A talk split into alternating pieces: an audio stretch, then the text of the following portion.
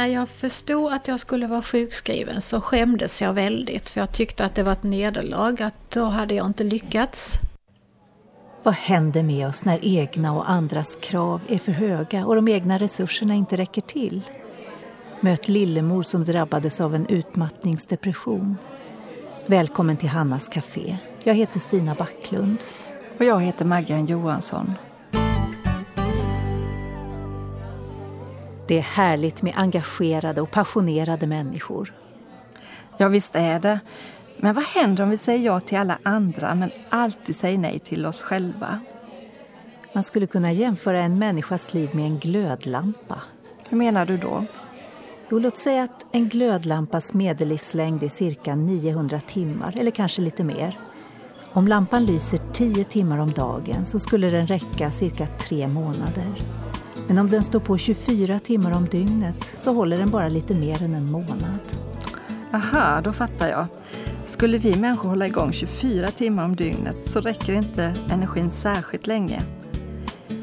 Nu lyssnar vi till There is room med Floodgate. How can you believe in this crazy world? It's something you can see. How can you into someone's hands without a guarantee? If you need to see to be satisfied, if you need to feel, come and put your hand in his hand and know that he is real. Come and see the reason he died.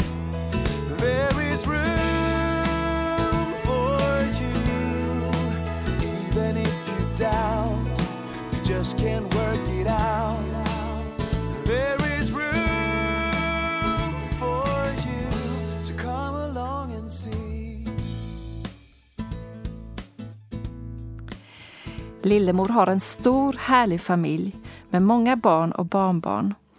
Jag träffar henne en vanlig vardag och hon bjuder på nybryggt kaffe och riktigt smaskiga semlor. Jag är stolt över mina barn och min man och jag tycker att jag lever ett bra liv nu i min egen takt och mår väl om jag får ha det som jag har det nu. Jag har eh, varit en annan sorts människa. Jag har haft andra mått att mäta mig själv med. Jag har trott att man skulle vara effektiv och duktig. Eh, göra så mycket som möjligt och göra allt bra så ingen kan kritisera mig. Och eh, jag har varit för sträng mot mig själv och tyckt att jag skulle kunna lite till hela tiden. Och det ledde till att jag jobbade för mycket, klarade inte av det och blev sjukskriven. Lillemor arbetade som lärare, ett arbete som hon älskade. Men skolans värld är en miljö där det är svårt att sätta gränser eftersom det finns en stark känslomässig bindning till det man håller på med. Behoven och kraven ökade och tiden att utföra arbetsuppgifterna minskade. Och hemma ville hon räcka till för familjen. Hon gjorde många självkritiska utvärderingar och pressade sig allt för hårt för att leva upp till den nivå som hon krävde av sig själv. Men till slut så gick det inte längre. När jag förstod att jag skulle vara sjukskriven så skämdes jag väldigt för jag tyckte att det var ett nederlag, att då hade jag inte lyckats. Jag, eh, det skulle man klara av att kunna göra det jag höll på med. Så att jag såg det som att det var fel på mig, inte på systemet i, i övrigt runt mig. Så att jag, jag skämdes och fick inte så bra självförtroende på detta viset utan jag försökte hålla mig undan den första tiden som sjukskriven och ville inte prata med några om hur jag hade det heller. Utan trodde att det här skulle jag snabbt komma över och vara tillbaka igen. Men det visade sig att det var inte så det fungerade. Skammen över att inte orka växte inom Lillemor och hon översvämmades av en känsla av otillräcklighet. Mina känslor då var att jag inte dög till någonting. Kunde jag inte jobba som lärare som jag hade gjort i så många år innan, kunde jag inte få syssla med det så kunde jag ingenting annat. För det, jag kunde inte komma på någonting som jag dög till utöver att vara bland barn. Och det, det, visste jag att det klarade jag inte för det hade jag gjort flera försök att komma tillbaka och det gick inte. Och då blev jag, kände jag att jag var rätt så värdelös. Kroppen är finurligt skapad och signalerar när det är något som är på tok. Då är det viktigt att stanna upp och göra vissa förändringar i livet. Men Lillemor bromsade inte utan slog dövörat till och fortsatte i samma tempo. Symptomen jag hade det var rätt så vanliga som jag hade haft under en längre tid. Högt blodtryck, ständig huvudvärk, magkatarr, allergiska utslag, svullnader i mun, läppar, skakningar, invärtes skakningar. Eh, hjärtat slog oregelbundet och eh, började lite senare att rusa för mig. Att det körde på väldigt snabbt utan anledning. Den första tiden så nonchalerade jag de här symptomen. Jag tog eh, huvudvärkstabletter för huvudvärken och tänkte att det här får jag väl försöka att klara och så blir det väl bättre så småningom. Men eh, sen eh, fick jag äta blodtryckssänkande också för jag skulle nämligen in och göra en operation och då upptäckte de att det gick inte att operera mig för jag hade för högt blodtryck och då blev det att de tog hand om blodtrycket åt mig. Så jag fick jag ordning på det som det heter, men jag fick ju hålla på att äta medicin för det. Men jag, jag såg inte allvaret i att det var jag själv, mitt sätt att leva, som gjorde att jag hela tiden fick nya kroppsliga symptom. Utan jag eh, bara jobbade på, för jag såg ingen annan möjlighet. Det var så jag ville ha det, jobba. Utmattning, koncentrationssvårigheter och dåligt minne hänger samman. Det var jobbigt att träffa andra eftersom hon inte längre kunde klara av att vara den pigga och duktiga Lillemor. Det jag också gjorde förresten, det, det var ju att jag väldigt ofta tappade minnet och eh, tappade bort vad jag skulle säga och glömde bort namn på personer som jag hade runt omkring mig och, och sånt där. Eh, och det gjorde att jag eh, tyckte det var lite pinsamt att vara ute bland folk också. Eh, att åka till missionshuset var svårt den första tiden när jag blev sjukskriven för att jag klarade inte av att möta de personer som jag hade mött tidigare. Jag kunde inte utåt eh, visa mig lika pigg som jag hade gjort innan. Även om jag hade varit trött innan också så klarade jag av att, att gömma det bakom någon sorts fasad när jag var ute bland folk. Lillemor drabbades av en falsk skuldkänsla över att hon inte klarade av sin situation. kunde jag inte sen när jag hade blivit sjukskriven utan då var allt väldigt jobbigt. Jag kände också att jag var kanske inte så värdig kristen eftersom jag hade drabbats av detta. Jag hade inte, ja kan man säga så, jag hade inte lyckats att klara av att vara både ja, jag kan inte riktigt sätta ord på hur jag kände det men jag hade kanske inte så stark tro trodde jag eftersom jag hade drabbats av en utmattning. Jag orkade inte tro att jag dög som jag var. Så det var, en, det var jobbigt på många områden den tiden men jag, jag höll mycket av det för mig själv för jag orkade inte, jag orkade inte prata om det överhuvudtaget. Men hon anade inte vad framtiden skulle innebära. Helt plötsligt stod en dörr på glänt och hon började på en konsthantverkslinje. Eh, sen fick jag börja på en skola som hjälpte mig mycket, där jag fick jobba med händerna. Men eh, jag hade inte varit där mer än en termin förrän jag blev så sjuk så att jag blev sängliggande i en månads tid och det gjorde att jag fick hålla mig borta från den skola som jag tyckte att nu hade jag hittat någonting som bara var för mig själv, något som jag mådde väl av att göra. Utan att jag skulle prestera någonting inför några andra. Men hur är det egentligen med Gud? Öppnar han dörren på glänt för att i nästa minut stänga den mitt framför näsan? När hon låg i sin säng och inte kunde göra något annat kom en sång över hennes läppar. Och mitt i allt föddes en fast förvissning om att hon bara fick vila, helt utan krav, i hans hand. Och då kunde jag inte förstå varför Gud först hade lett mig till denna skola och sen plockade han mig därifrån när jag precis hade fått smak på att vara där. Så det kändes som ett eh, bakslag. Men när jag låg där i sängen och inte förmådde så mycket så, eh, så låg jag och ritade. Och eh, under den tiden så kom eh, bibelvers till mig som blev bara starkare och starkare. Och det var en, en som jag sjöng. Du omsluter mig på alla sidor, du håller mig i din hand. Den eh, fick jag till mig och det, det känner jag att den, den fick jag av Gud för att jag skulle känna att jag var inte ensam. Jag dög till någonting. Jag fick vara i hans hand i alla fall.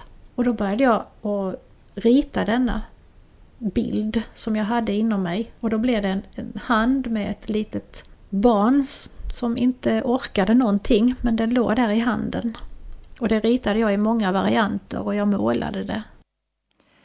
När diskbrocket slog till hade Lillemor just lärt sig olika drejtekniker.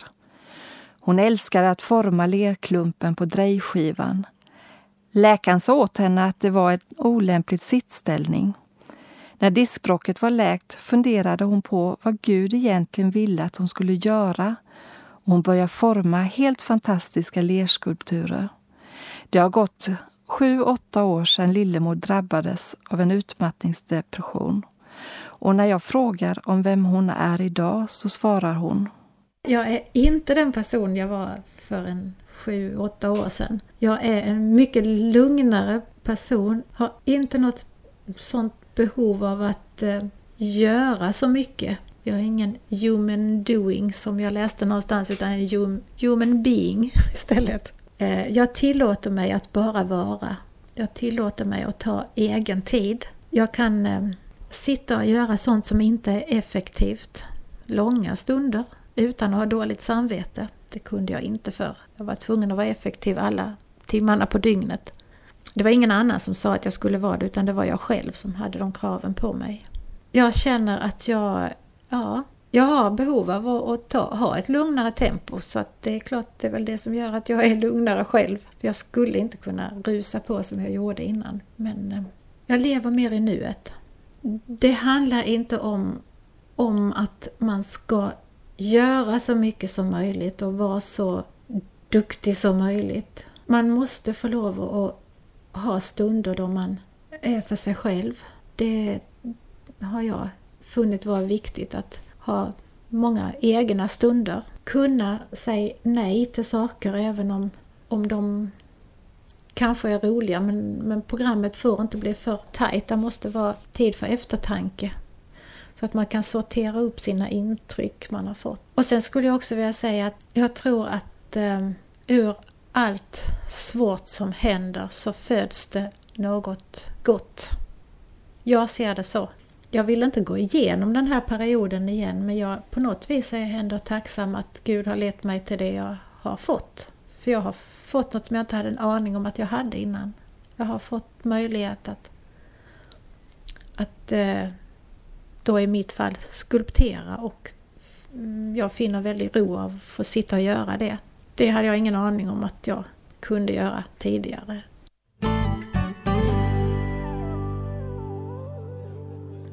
Vi som bor i Sverige är väl ganska miljömedvetna? Ja, men hur är det egentligen med miljön kring våra personligheter? Ja, det är nog som författaren Arnold Nylund säger. Miljö för en personlighet måste alltid präglas av synen på människan som en odelbar helhet av kropp och själ, av förnuft, känsla och vilja. Ja, vi är ju alla med och skapar miljö för varandra, både hemma och på arbetet. Ja, där kan vi vara med och bidra till att andra människor får andas, utvecklas och få vara de personer de är skapade till att vara. Innan vi går vidare så lyssnar vi till I Herrens händer med Urban och Karina Ringbäck.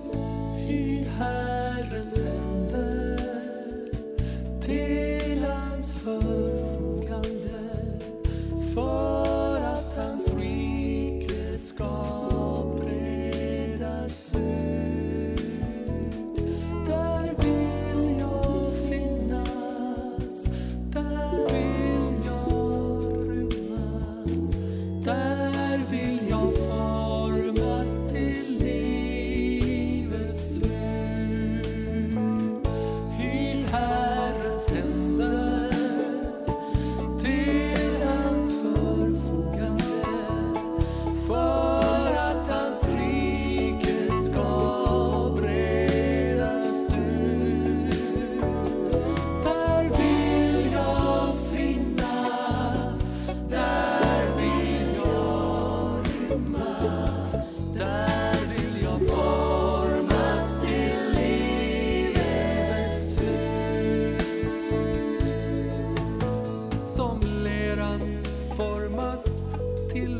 I could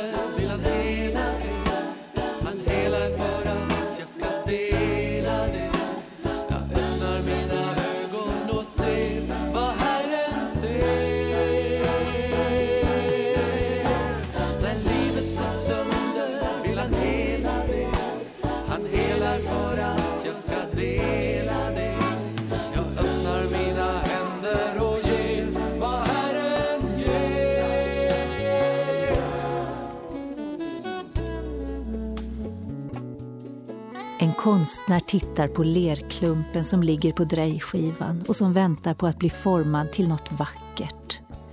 Han ser framför sig det färdiga kärlet i sin fulla skönhet. Omsorgsfullt och försiktigt drar han upp den fuktiga leran mellan sina varsamma och ömsinta händer. När kärlet börjar ta form upptäcker han att leran har ändrat karaktär och att det inte blev det bruksföremål som han hade tänkt från början. Då börjar han om igen.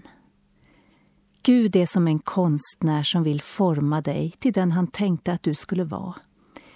I Bibeln berättas det om en krukmakare som satt och arbetade vid sin drejskiva. Men kärlet misslyckades i hans hand. Då började han om igen och gjorde ett annat kärl av leran precis som han ville ha det. Lillemor kom till en återvändsgränd. Hennes kraft hade tagit slut och hon orkade inte längre arbeta med det som hon älskade att göra. Det var ju det enda hon kunde, trodde hon. Men Gud ville göra något mer av hennes liv. Han visste vilka skatter som låg gömda inom henne. Han tog hennes liv varsamt i sina händer och började forma henne igen. Du upplever kanske ditt livs nederlag just nu och all din kraft har runnit ut. Vi människor ser ofta bara små delar av våra liv men Gud som har skapat dig och mig ser helheten. Han vet vilka dolda skatter som han har lagt ner i oss. I en bibelvers står det så här. Men denna skatt har vi i lerkärl för att den väldiga kraften ska vara Guds och inte komma från oss. Sen när jag kom på benen igen så funderade jag över om inte jag skulle kunna skulptera den här bilden jag hade. Och det ledde till att jag till slut hade gjort en, en skulptur i keramik med en hand och ett barn. Och på den handen har jag skrivit psalm 193, vers 5. Och det är den du omsluter mig på alla sidor. Du håller mig i din hand. För den har betytt och betyder väldigt mycket för mig. Så den, den skulpterar jag flera olika varianter av och det är många som har velat ha den så att den, den försvinner härifrån. Lillemor fick upptäcka nya gåvor som hon tidigare inte visste om men som Gud hade lagt ner i henne. Men jag tog en lerklump och satte mig vid ett bord för att sitta på en vanlig stol, det kunde jag. Och så började jag trycka på lerklumpen och hur det gick till vet inte jag, men jag hade format en gravid kvinna. Och jag gjorde två stycken gravida kvinnor av, de här, av den här lerklumpen. Och kände en sån otrolig glädje över att man kunde göra någonting med, med leran. Det hade jag aldrig funderat över att man kunde göra så. Sen fortsatte jag och göra fler figurer och då, då blev det mer barn. Men då var det ihopkrupna barn som satt eh, ner med sitt huvud böjt i, i knäna kan man säga. Och varför jag gjorde sådana vet jag fortfarande inte mer än att möjligtvis att jag kände mig som en sån som inte orkade mycket mer än det att sitta där och hålla om sina egna ben. En ny glädje började växa fram i Lillemors liv. Gjorde jag några sådana skulpturer och jag var väldigt nöjd över varje sån själv för det var så roligt att göra den. Jag, jag gladdes över att kunna forma någonting. Sen blev det sovande små barn som var nästa sak jag provade på. Och mm, jag tror det var att jag hade kommit ett steg längre för nu var det lite mer trygghet jag formade. Det första jag gjorde det var mer eh, utmattning kanske eller eh, ja, och sen så gick jag över till trygghet. Ehm, sen har jag fortsatt med diverse olika skulpturer efter det och jag håller mig någonstans där mellan tryggheten, empatin känslan av att inte vara ensam och glädje. Där har jag ett stort behov av att skulptera olika eh, situationer. För en tid sedan så fick jag en, ett uppdrag av en församling att jag skulle skulptera en Jesusgestalt som skulle vara som en ljusbärare i kyrkan. Och jag funderade över hur jag skulle skulptera Jesus. Att det skulle finnas barn med runt Jesus, det var jag ju säker på för att barn är viktiga för mig och eh, jag ser att de är, passar in hos Jesus också. Men jag började skulptera utan att veta var det skulle sluta någonstans. Men jag skulle kunna bränna den här skulpturen i min egen ugn så fick jag göra Jesus sittande ner. Och, och sen skulpterade jag ett litet liggande barn i, och la i famnen på Jesus. Och då var det min tanke att det barnet, alla barnen jag gjorde runt Jesus, det skulle vara symboler för oss människor. Och det lilla barnet, det skulle symbolisera att det finns skeden i våra liv då vi inte orkar eller kan göra något annat än att ligga och stilla och vila hos Jesus som ett litet barn, helt kravlöst. Alla de tankarna hade jag inte från början utan de växte fram under tiden som jag skulpterade. Och jag är ju helt säker på att jag fick de här tankarna av Gud. Eh, jag gjorde ett barn till som stod och lutade sig mot Jesu axel. Först var det bara för att det skulle vara ett barn som stod där också, men sen kom jag på att han måste ju ha ögonkontakt med Jesus. Och då slog det mig att vi har ju ögonkontakt med Jesus. Det är ju ett ständigt samtal med, med Jesus. Det är våra hjärtans samtal, våra böner och vårt lyssnande efter Guds röst som det barnet fick symbolisera. Sen gjorde jag ett barn till som jag la, eller som klängde på Jesu axel. Så han var tvungen att hålla en extra vakande arm om honom. Och det barnet, han är arg, besviken eller orolig. Det får man själv bestämma vilket man tycker det ser ut som. Han klänger på Jesu axel och kan inte vara still. Men om honom håller Jesus en extra vakande hand. Och det gäller ju oss alla. Att vi får vara hos Jesus även om vi är oroliga och försöker att ramla ur ibland. För vi har alla olika behov, vi är alla olika, men vi får alla komma till Jesus. Jag tycker att den versen som låter så här passar så bra till, till detta jag har berättat nu. Jesus, låt mig aldrig bli så stor att jag inte får plats i din famn. Nej, jag vill alltid vara nära dig. Jag vill komma till ditt land. Under tiden jag skulpterade denna Jesus-gestalt med barnen så fick jag otroligt mycket själv av Gud. Så jag tror att vi skulpterade tillsammans, han och jag.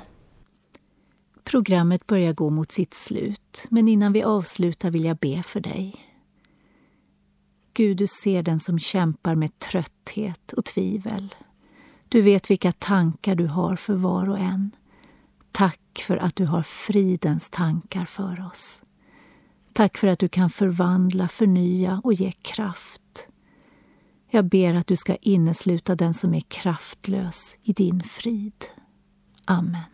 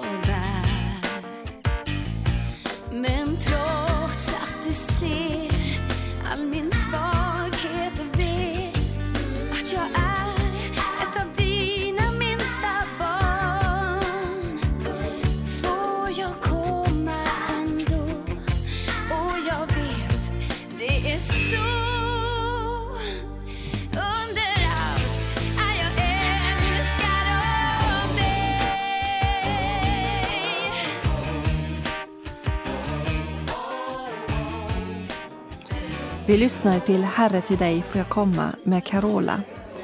Är det något speciellt som har berört dig under programmet? Skriv gärna till oss. Adressen kommer här. Var rädd om dig. Vi hörs igen.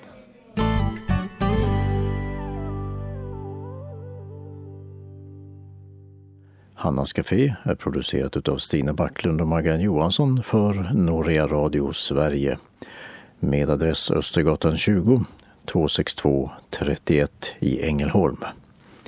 Mailadress ph norrearadio.se och webbadress www.hannascafé.se